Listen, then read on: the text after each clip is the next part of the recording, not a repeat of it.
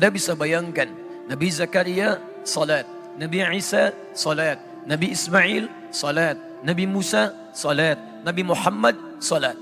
Nabi, Rasul dekat dengan Allah, surga sangat terjamin, tingkat paling tinggi, tidak ada hisab untuk mereka. Mereka semua salat.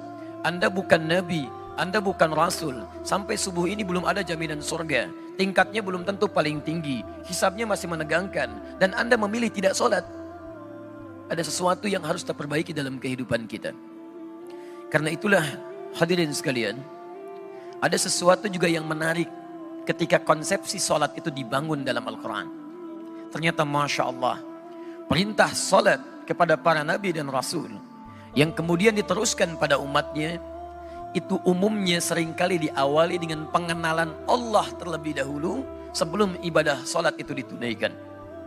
Perhatikan kembali ketika Allah firmankan kepada Musa alaihi salam sebelum Musa diperintahkan untuk salat. Terlebih dahulu Allah mengenalkan dirinya supaya diketahui dalam salat itu siapa yang disembah. Supaya dikenal siapa yang disembah. Supaya dirasakan kenikmatan saat menyembahnya. Supaya dihadirkan kekhusyuan saat menyembahnya. Maka Allah firmankan, Innani anallah. Allah perkenalkan dirinya. Saya ini Allah La ilaha illa ana. Tidak ada Tuhan yang layak disembah kecuali saya. Fa'budni, sembah saya. Perhatikan, kalimat perintah minta menyembah diawali dengan pengenalan terlebih dahulu tentang Allah Subhanahu wa taala. Siapa Allah? Dikenalkan aspek ketuhanannya, dikenalkan rasionalitas kenapa mesti menyembahnya, diberikan sifat-sifatnya supaya diperkenalkan agar khusyuk dalam menyembahnya. Baru kemudian muncul kalimat wa aqimis salah tunaikan salat. Cukup menarik. Dan semua demikian. Bahkan fase salat di masa Nabi Shallallahu Alaihi Wasallam ini yang paling menarik. Sebelum diperintahkan salat, setahun sebelum hijrah ke Madinah Al Munawwarah itu, dalam usia Nabi 52 tahun, setelah 12 tahun berdakwah di kota Mekah, ternyata perintah salat tidak langsung diberikan saat Nabi diangkat jadi rasul, tapi justru diberikan perintah untuk mengenalkan Allah terlebih dahulu pada masyarakat hampir selama 12 tahun. Baru kemudian muncul perintah untuk menunaikan salat. Hadirin, inilah yang kita jadikan bahasan pada subuh ini. Mengapa kemudian Allah perkenalkan terlebih dahulu tentang konsepsi ketuhanan, konsepsi penyembahan sebelum turun perintah untuk menyembahnya. Saya ingin tunjukkan sedikit saja perbedaan orang dulu salat dengan orang sekarang salat. Dulu Orang sholat karena mengenal Allah terlebih dahulu. Memahami bagaimana cara menyembahnya. Maka kenikmatan sholatnya Masya Allah ketika ditunaikan. Khusyuk sungguh tak terlukiskan. Ada orang ketika sholat tiba-tiba lewat anak panah dia tidak bergeser sedikit pun dalam sholatnya. Ada orang yang kemudian dalam sholatnya terhunus pedang. Dan dia Masya Allah masih meneruskan sholatnya. Ada orang ketika dalam sholatnya terkena duri. Sebelum sholat durinya akan dicabut. Masya Allah, dia masih merasakan kesakitan. Tapi ketika menikmati sholatnya, kawannya mengatakan, saya tahu kapan waktunya duri itu akan dicabut. Ketika dia mulai bertakbir, kemudian durinya dicabut, Allahu Akbar. Tidak bergeser sedikit pun, tidak berubah rona wajahnya. Tetap dalam keadaan sholatnya. Bahkan ada orang yang ketika mulai bertakbir, kisah ini nyata seluruhnya. Dia mengucapkan Allahu Akbar. Abu Daud nomor hadis 857. Fayaqulu Allahu Akbar. Maka dia bertakbir Allahu Akbar. Saat kalimat Allah diucapkan itu bisa bergetar tangannya. Dan kata Nabi orang ini masuk surga tanpa hisab. Pahanya tidak sebanding dengan amalan umat manusia. Bahkan beliau menjadi mertua Nabi. Bahkan beliau di antara orang yang sangat dimuliakan Nabi sampai menemani Nabi. Dipilih oleh Nabi untuk berhijrah ke Al-Madinah Al-Munawwarah. Anda bisa bayangkan. Ada orang dulu bertakbir sampai gemetar. Ada orang dulu dalam keadaan salat sangat menikmatinya. Sujudnya bisa berlama-lama, kenikmatan bisa didapatkan.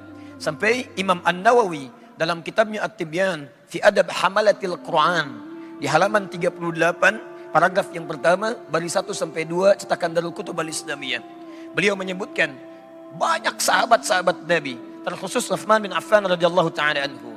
Kemudian ada Abdurrahman bin Auf, ada Tamim Ad-Dari, bahkan di antara kehebatan mereka tidak sekedar meraih dunianya begitu sukses, tapi kenikmatan terbesarnya ketika mampu tahajud bahkan sampai hatam Quran, saking nikmatnya dalam sholatnya.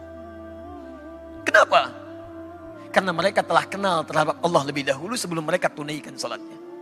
Sekarang mari kita bandingkan dengan kita. Maaf, ada sindiran yang halus dalam Al-Quran tapi tajam. Bahkan ada orang sholat, tidak paham, tidak mengerti apa yang dibaca dan dilakukan dalam sholatnya. Coba anda cek sampai barusan sholat terakhir. Dari sekian ribu ruku dan sujud yang anda kerjakan, berapa persen bacaan sholat yang anda pahami? Jangan-jangan lebih dari itu. Kita pun tidak sadar bahwa ketika saat sholat, ketika sedang menunaikan sholat, kita dipersaksikan oleh Allah subhanahu wa ta'ala. Bahkan kata Nabi di Abu Daud nomor hadis 666. Ada orang sholat yang tidak sadar berapa rakaat sedang menunaikan sholatnya. Hatta la yash'ural musalli kamraqatan yusalli. Sampai ada orang sholat kata Nabi, tidak sadar berapa rakaat sedang menunaikan sholatnya. Orang dulu, saking nikmatnya, rakaat pertama sholat subuh sujudnya begitu berlama-lama. Karena kenal dengan Rabbnya. Sampai Nabi di akhir sujudnya, seakan-akan menunggu sujud berikutnya begitu lama. Karena itulah beliau nikmati sujud yang terakhirnya. Indah. Masya Allah. Bandingkan dengan kita. Dari sekian salat yang kita tunaikan, berapa yang kita nikmati? Jangan-jangan kita pun tidak merasa sedang menyembah Allah subhanahu wa ta'ala. Hanya lisan kita mengatakan menyembah Allah, tapi kita, hati kita tidak hadir dalam lisan yang kita ucapkan. Karena itulah Bapak dan Ibu sekalian, ikhwas sekalian, penting kita ketahui dulu kemudian bangunan konsepsi mengenal Allah subhanahu wa ta'ala dalam hal sebelum kita menyembahnya agar kenikmatan dalam setiap ibadah yang kita lakukan itu hadir dan melahirkan kekhusyuan. Karena itulah ibadahnya disebut dengan salat terambil dari kata silah. Saya mohon izin. Bismillah.